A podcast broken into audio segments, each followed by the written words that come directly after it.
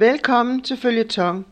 Jeg, Gurli, fortsætter lidt endnu oplæsningen af Guds smuler, skrevet af bruder Andreas i samarbejde med John og Elisabeth Sherrill. Sidste gang hørte vi om, hvordan det med Guds forunderlige hjælp lykkedes at få sat en produktion af lommebibler i gang. Disse lommeformater gjorde det muligt at tage mange flere bibler med ind bag jerntæppet. Og vi hørte ligeledes, hvordan endnu en medarbejder slutter sig til arbejdet, således at de nu er tre mænd i teamet. Vi hører også om bruder Andreas' rejse mod det mægtige Kina i 1965, hvor han efter et ophold i Kalifornien og Taiwan forsøger at få indrejsetilladelse. Et for mennesker umuligt projekt. Og nu starter oplæsningen. Det var ikke muligt for mig at kunne komme ind i Kina ved egen dygtighed. Jeg troede, at ønsket om at tage til Kina var kommet fra Gud. Jeg ville også overlade det til ham at finde ud af, hvordan det skulle foregå. Næste morgen ville jeg ganske simpelt tage hen til det kinesiske konsulat og søge om visum, for jeg vidste, at hvis Gud virkelig ville, jeg skulle afsted, så ville jeg også få de nødvendige papirer. Først havde jeg dog noget hjemmearbejde at gøre. Jeg tænkte på Josva, der forberedte erobringen af kananæernes land, og hvordan han havde sendt spioner i forvejen for at udspejde landet. Måske er det det, vi skal gøre, udspejde Kinas byråkrati. Det var mørkt nu, forretninger og kontorer var lukkede, men jeg begyndte at søge efter det kinesiske rejseagentur, som turistministeriet i den kinesiske regering blev kaldt. Som ventet var det lukket. På en stor søjle uden for døren stod der et skilt på engelsk. Kinesisk rejsebyrå. På det mørke fortov uden for den lukkede dør begyndte jeg at bede. Kristus havde jo vundet sejr over enhver magt, som rejste sig mod Guds herredømme. Jeg gik frem og tilbage foran huset i to timer og bad der i mørket. Næste morgen kom jeg tilbage igen. Nu var der åbent. Øverst på trappen sad en kinesisk soldat. Bag ham var et stort lokale, der var stopfyldt af mennesker. Jeg stillede op i køen, og mens jeg ventede, bad jeg for tjenestemændene og sekretærerne på den anden side skranken. Bad om, at Gud ville åbne kanaler, som disse Kinas borgere kunne blive vundet igen. Så blev det min tur. Jeg gik frem, og manden i den blegeblå folkeuniform så undersøgende på mig. Jeg vil gerne søge visum til Kina, sagde jeg på engelsk. Manden tog øjnene fra mig og begyndte at stemple nogle papirer.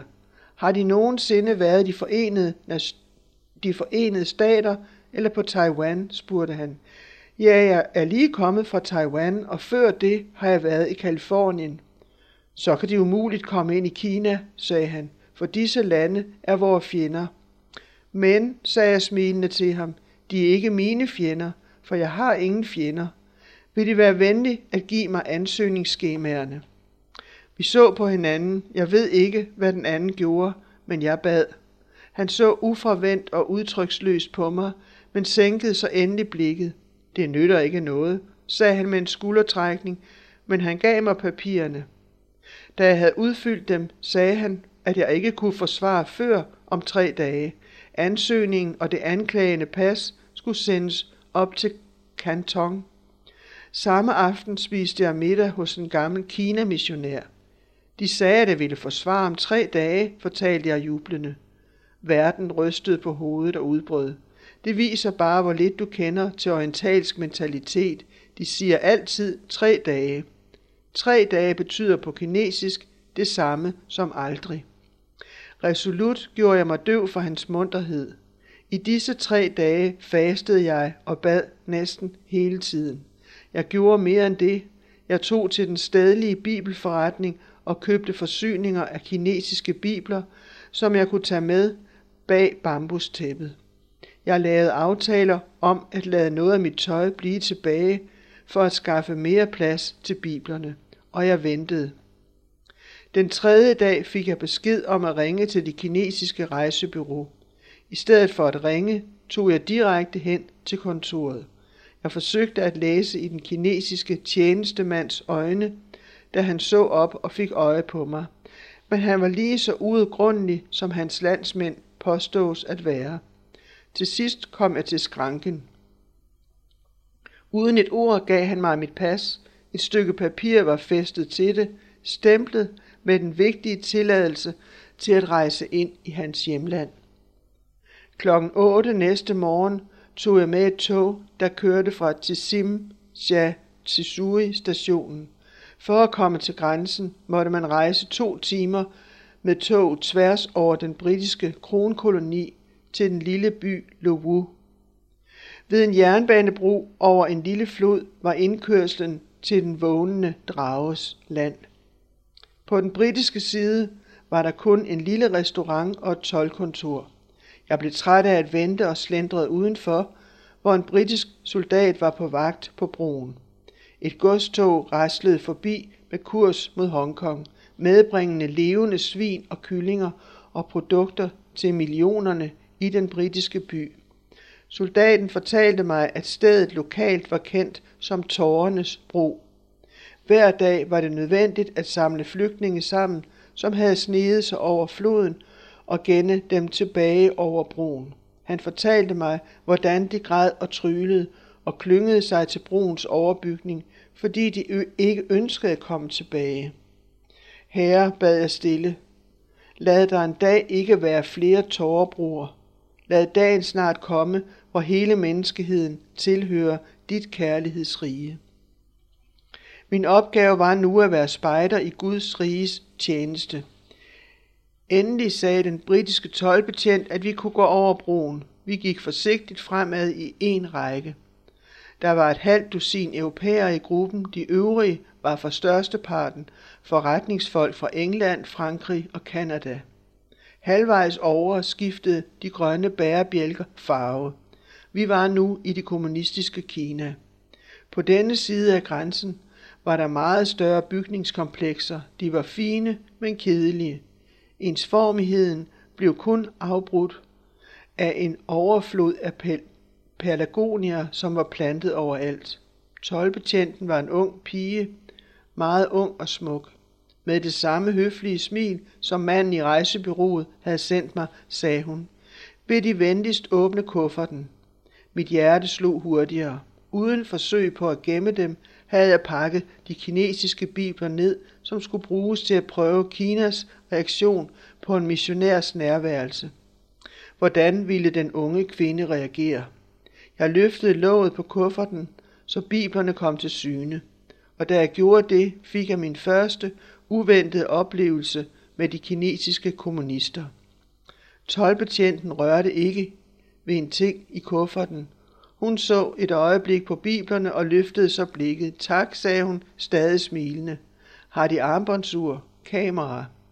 Ingen reaktion på det, hun havde set i kufferten. Hun var 20, måske 25 år gammel. Kunne det tænkes, at hun aldrig havde set en bibel? At hun ikke anede, hvad det var? Toget til Canton ventede på os.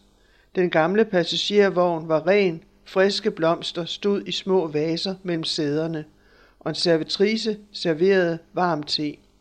Da toget stansede, så jeg på klokken. Vi var præcise. Servitrisen ledte lidt efter ordene, så sagde hun glædestrålende til mig. Hvor tog er fremme i rette tid. Det var mit første møde med det moderne Kinas vort. Overalt talte man om vort tog, vor revolution, vor første kinesisk producerede bil.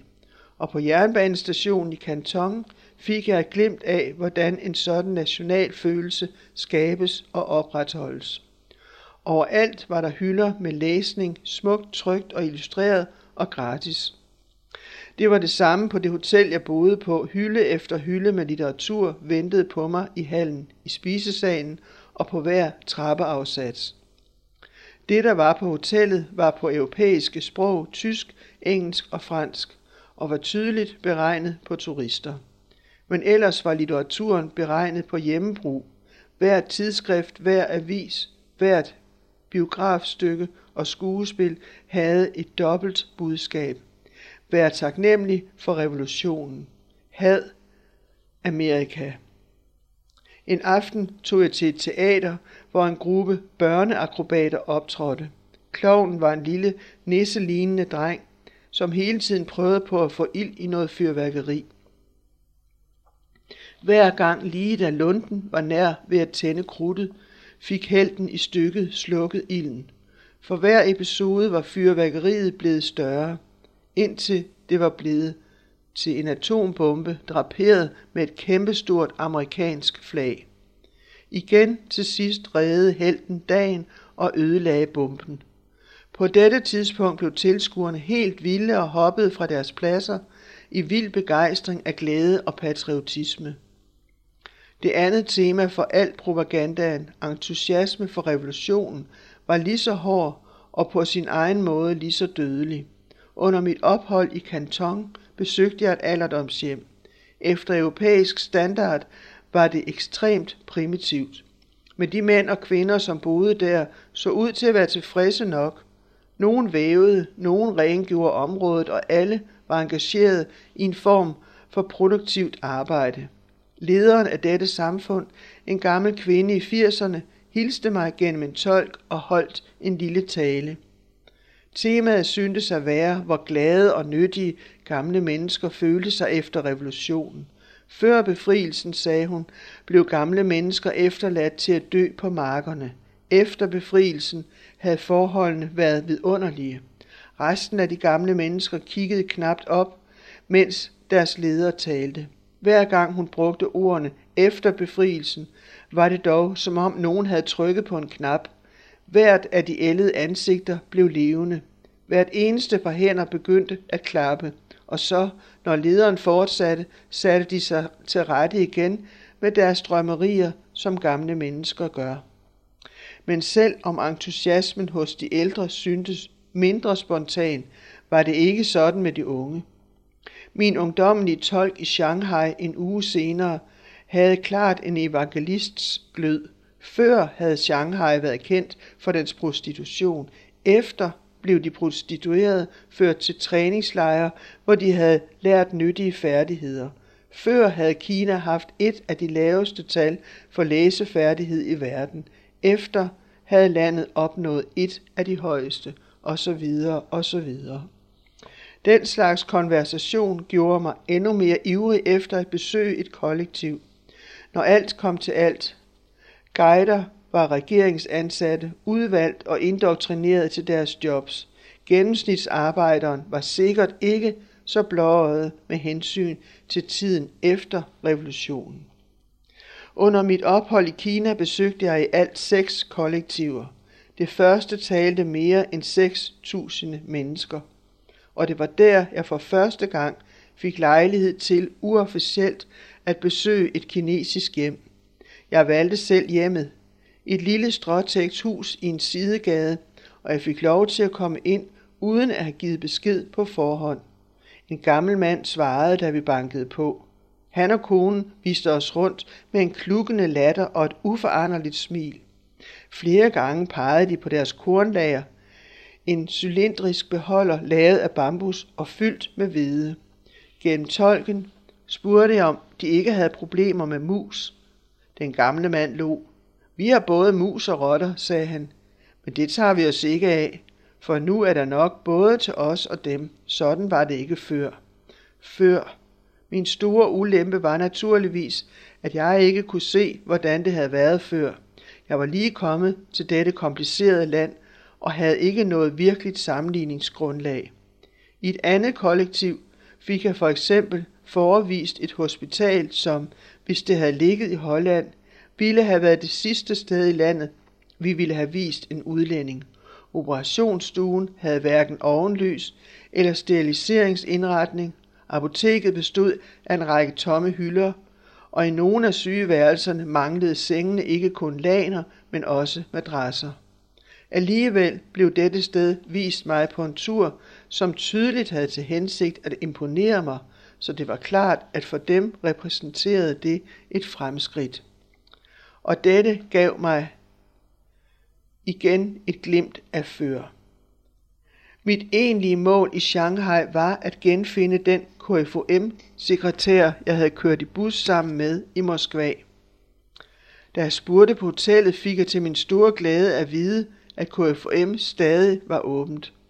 Men da jeg kom til bygningen, forsvandt glæden. Indenfor var der flest ældre damer, som spillede bordtennis. Dette center var hverken for unge eller mænd. Det virkede heller ikke særlig kristeligt. Omtrent alt, der var tilbage af dette KFM, var en forening.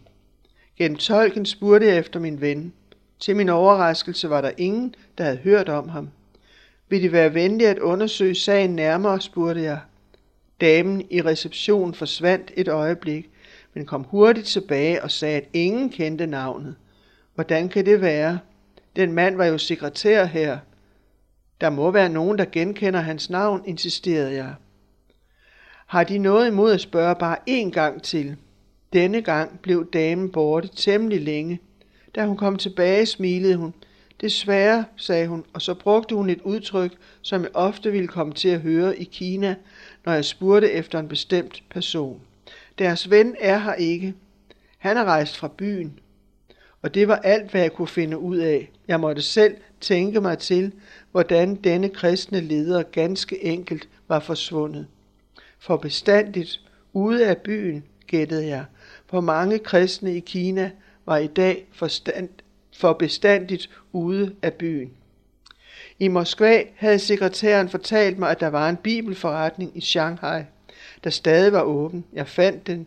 En lille butik i en gade i udkanten, men åben og godt udstyret med bibler i alle størrelser. Hvem som helst i Shanghai kunne købe bøgerne. Bøger, som måtte smugles ind i de fleste østeuropæiske lande. Jeg blev budt velkommen på engelsk af butiksindehaveren, som stolt viste mig rundt i forretningen. På væggen hang et billede af Kristus, omgivet af små børn, alle lyse og blåøjede. Jeg tog en bibel fra et bord. Til min overraskelse læste jeg på engelsk, at bogen var trygt i Shanghai. Trygt her, sagde jeg, ikke Hongkong. Indehaveren rettede sig stolt op. I Kina laver vi alt selv. Først da jeg spurgte ham, hvor godt forretningen gik, fik han et bekymret udtryk i ansigtet. Jeg havde været i butikken en time, uden et eneste menneske havde vist sig. Ikke mange kunder, sagde han trist. Hvor mange bibler solgte han på en måned? Ikke mange. Ikke mange bibler, ikke mange kunder. Regeringen tillod denne lille butik at sælge sine antikviteter, fordi den ikke var farlig. Ingen brød sig om den. Jeg tænkte tilbage på de erfaringer, jeg havde gjort, da jeg prøvede at dele bibler ud i Kina. Jeg havde tilbudt den første til tolken i Kanton. Hun gav den tilbage. Hun havde ikke tid til at læse. Da jeg troede, at det måske var farligt at blive set, når man modtog en bibel, havde jeg prøvet i gåseøjne tilfældigvis at lade flere blive liggende på hotelværelset, når jeg flyttede derfra. Men før jeg kom væk fra etagen, kom gangpigen altid løbende efter mig med biblerne i hånden. Her er det deres. I min fortvivlelse havde jeg prøvet at give bibler bort på gaden. Guiderne hindrede mig ikke i det. Det virkede faktisk, som om de på mine vegne var kede af, at den ene efter den anden stansede for at se, hvad det var, jeg tilbød, og så gav mig bogen tilbage. Og nu denne butik. Ikke mange kunder. Mærkeligt nok forlod jeg denne vidt åbne, godt fyldte bibelforretning mere mismodet, end jeg havde været, siden jeg kom til Kina. Forfølgelsen er en fjende, kirken har mødt og besejret mange gange. Ligegyldighed kunne vise sig at være en langt farligere fjende. Jeg havde endnu et håb tilbage. Overalt forsikrede man mig, at de teologiske seminarer stadig var åbne. Til at begynde med forekom det mig at være utroligt gode nyheder. Men det var jeg ikke sikker på, da jeg havde besøgt et. Skolen jeg besøgte lå uden for Nanking. Jeg tilbragte lidt tid sammen med forstanderen og en af professorerne i en ideel situation. Begge talte engelsk. Her tænkte jeg, var chancen for at tale med kristne, uden at en tolk holdt et vågent øje med en. Men så snart vi var alene, sad vi i en underlig stillhed, som kun blev brudt, når vi slubrede til i os. Da vi havde nået bunden af vores kopper og ingen endnu havde sagt noget, bestemte jeg mig til at begynde med at forklare, at jeg var missionær. Men ordet missionær så begge mændene så chokeret ud, som havde jeg sagt et stygt ord inden for disse hellige mure. De missionærer, vi kendte, sagde forstanderen, var spioner. Han vendte sig mod professoren og sagde noget på kinesisk. Professoren forlod lokalet, men kom farende tilbage et minut efter med en stor bog. Han åbnede den på et nøje afmærket sted, som indeholdt korrespondence mellem en missionær og et medlem af regeringen om naturrigdomme, madforsyninger og folkets misfornøjelse. I det næste kvarter løb den lille professor frem og tilbage mellem os og biblioteket. Hver gang kom han tilbage med en ny bog, som altid var åbent på et sted med mange understregninger. Alle bøger var fra velkendte vestlige forlag, og det viste sig virkelig, at enkelte missionærer regelmæssigt havde forsynet deres ambassader med oplysninger. Vi i Vesten havde aldrig oplevet en konflikt mellem loyalitet mod Kristus og loyalitet mod hjemlandet. Var det derfor, vi havde efterladt os et tvetydigt minde. Hvordan det end er, blev mit besøg på seminaret i Nanking en ren politisk affære. Forstanderen var medlem af det lokale parlament og dybt engageret i den internationale kommunistbevægelse. Antiamerikanske plakater var sat op på væggene med den obligatoriske kineser, der jager den obligatoriske amerikaner, der bar den obligatoriske atombombe. Jeg fik intet at vide om kristendomsundervisning på seminaret. Hvordan den end er, kan man være sikker på én ting. Den er iklædt den samme antivestlige dragt som al undervisning i Kina i dag. Hvor meget kan man lære om et land ved, en enkelt over, ved et enkelt overfladisk besøg, hæmmet af en sprogbarriere om at tolke, som man ved ønsker, at man kun skal se det bedste. Indtryk er måske det eneste, man får med. Mange af indtrykkene var positive. Renligheden, fraværet af tiggere, rickshaw-trækkere, ærligheden. Nogle af indtrykkene var triste. De enorme, fuldt bemandede spisesteder, hvor jeg var den eneste kunde, de tomme gader, hvor min taxi var den, det eneste motorkøretøj, der var at se, og færdselspolitiet, der stoppede flokke af fodgængere længere fremme, som en forberedelse til noget så usædvanligt som en bil, der nærmede sig. Og nogen var skræk indiane. Jeg husker den morgen, hvor jeg skulle forlade Nanking med et tidligt fly. På mit hotelværelse var jeg ved at klemme om, da jeg hørte råb fra gaden. Jeg løb til vinduet. På pladsen nedenunder udførte hundrede af mænd, kvinder og børn en stram militær eksercits. Ved denne tid, før fabrikker og skoler åbnede, var hele befolkningen ude at marchere, råbe, gøre udfald og udføre en hel serie af præcise bevægelser. Min taxi kørte mig midt igennem eksercitsen. I det vi nåede hjørnet, blev der givet en kommando til frys. En manøvre, hvor hver person frøs i den position, han tilfældigvis var i. Ben midt i et skridt, arme strakt ud. Alle disse arme syntes straks at være peget mod mig, med fingrene pegende og øjnene anklagende. Ombord på flyet prøvede jeg at ryste indtrykkene af mig, men deres blikke forfulgte mig. Var jeg skyldig sammen med alle andre i Vesten i de anklagende blikke? Hvilken slags repræsentanter for Kristus havde vi været? Hvor behandling af kineserne havde gjort dem antivestlige, det var tragisk, men hvis det også havde gjort dem fjendtlige over for Gud. Det var det evige tab. Jeg blev ved med at huske en kollektiv leders ord, da jeg spurgte, om jeg måtte se hans kirke. I kollektiverne her, sagde han stolt, finder de ingen kirker. Ser de, religion er for de hjælpeløse. Her i Kina er vi ikke hjælpeløse mere. Klokken var otte søndag morgen, og jeg sad på sengen på mit hotelværelse midt i Beijing og ventede. En time senere havde jeg sagt til guiden, en time tidligere havde jeg sagt til guiden, i dag kunne jeg tænke mig at gå i kirke. Kirke, sagde guiden. Han lovede mig at prøve, men han forsikrede mig, at der kun var ganske få kirker, især protestantiske, der endnu var åbne i Beijing. En halv time gik. Hvis han ikke snart kom, ville det være for sent at nå morgengudstjenesten. Men lige før klokken ni kom han tilbage, og ansigtet strålede. Jeg har fundet deres kirke, sagde han, som havde han fundet noget yderst ejendommeligt og sjældent til mig. Følg med mig. Den lille kirke var forsømt ikke særligt indbydende. Det overraskede mig ikke, at guiden nægtede at følge med ind. Derfor gik jeg alene ind af den rustne jernport og befandt mig i et stort, nøgent rum, som var lige så trist for øjet, som det havde været udvendigt. Jeg satte mig langt tilbage, netop som en gammel kone slæbte sig hen til et lille falsk klaver og begyndte at spille. Melodien var en engelsk hymne fra det 19. århundrede, hvis form og budskab på ingen måde passede til Kina. Jeg talte 56 i menigheden. Jeg tror, jeg var den eneste under 60. En gammel mand med tyndt skæg og usikre flakkende øjne begyndte at prædike.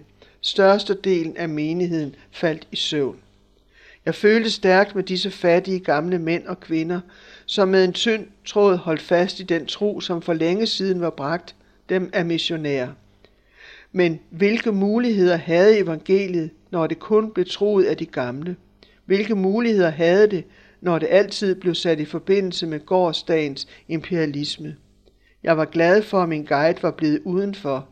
Jeg havde forsøgt at overbevise ham om, at kristendom var noget stort, men dette her, da jeg igen mødte ham uden for døren efter gudstjenesten, tog jeg mig selv i at tænke, at hvis dette var et typisk eksempel på kinesisk kristendom, kunne regeringen let tage livet af den. Der skulle bare et lille skub til. Jeg tog dybt bedrøvet fra Kina. Jeg fandt en eneste stråle af håb i selve den ringeagt, regeringen behandlede skriften med. Det var tydeligt, de ikke gjorde sig nogen anstrengelse for at hindre, at bibler blev bragt ind i landet og solgt der. Ja, til og med trygt i landet. Men de undervurderede ganske tydeligt Bibelen, og netop dette kunne blive Guds mulighed. Af egen erfaring vidste jeg, hvilket mægtigt redskab Bibelen kunne blive i den hellige ånds hænder. Var jeg måske ikke selv blevet omvendt ved ganske enkelt at læse i Bibelen. Men desuden behøvede den hellige ånd mennesker i Kina, hengivende, brændende mennesker, mennesker med visioner. Selv et flygtigt besøg havde vist mig, at disse mennesker nu i sidste halvdel af det 20. århundrede ikke kunne komme fra vest. For at kunne hjælpe kinesere i dag, måtte Gud have kinesiske hænder og ryster. Da jeg var tilbage i Holland, blev en ny bøn føjet til de bønder, Corey, Hans, Rolf og Elina dagligt bad for vort arbejde. At der et eller andet sted fra måtte komme kinesere med i vort arbejde. Nogen, der i deres hjemland kunne udføre den gerning med opmundring og omsorg, som Gud havde lukket for os. Og det var så alt for denne gang. På genhør næste uge.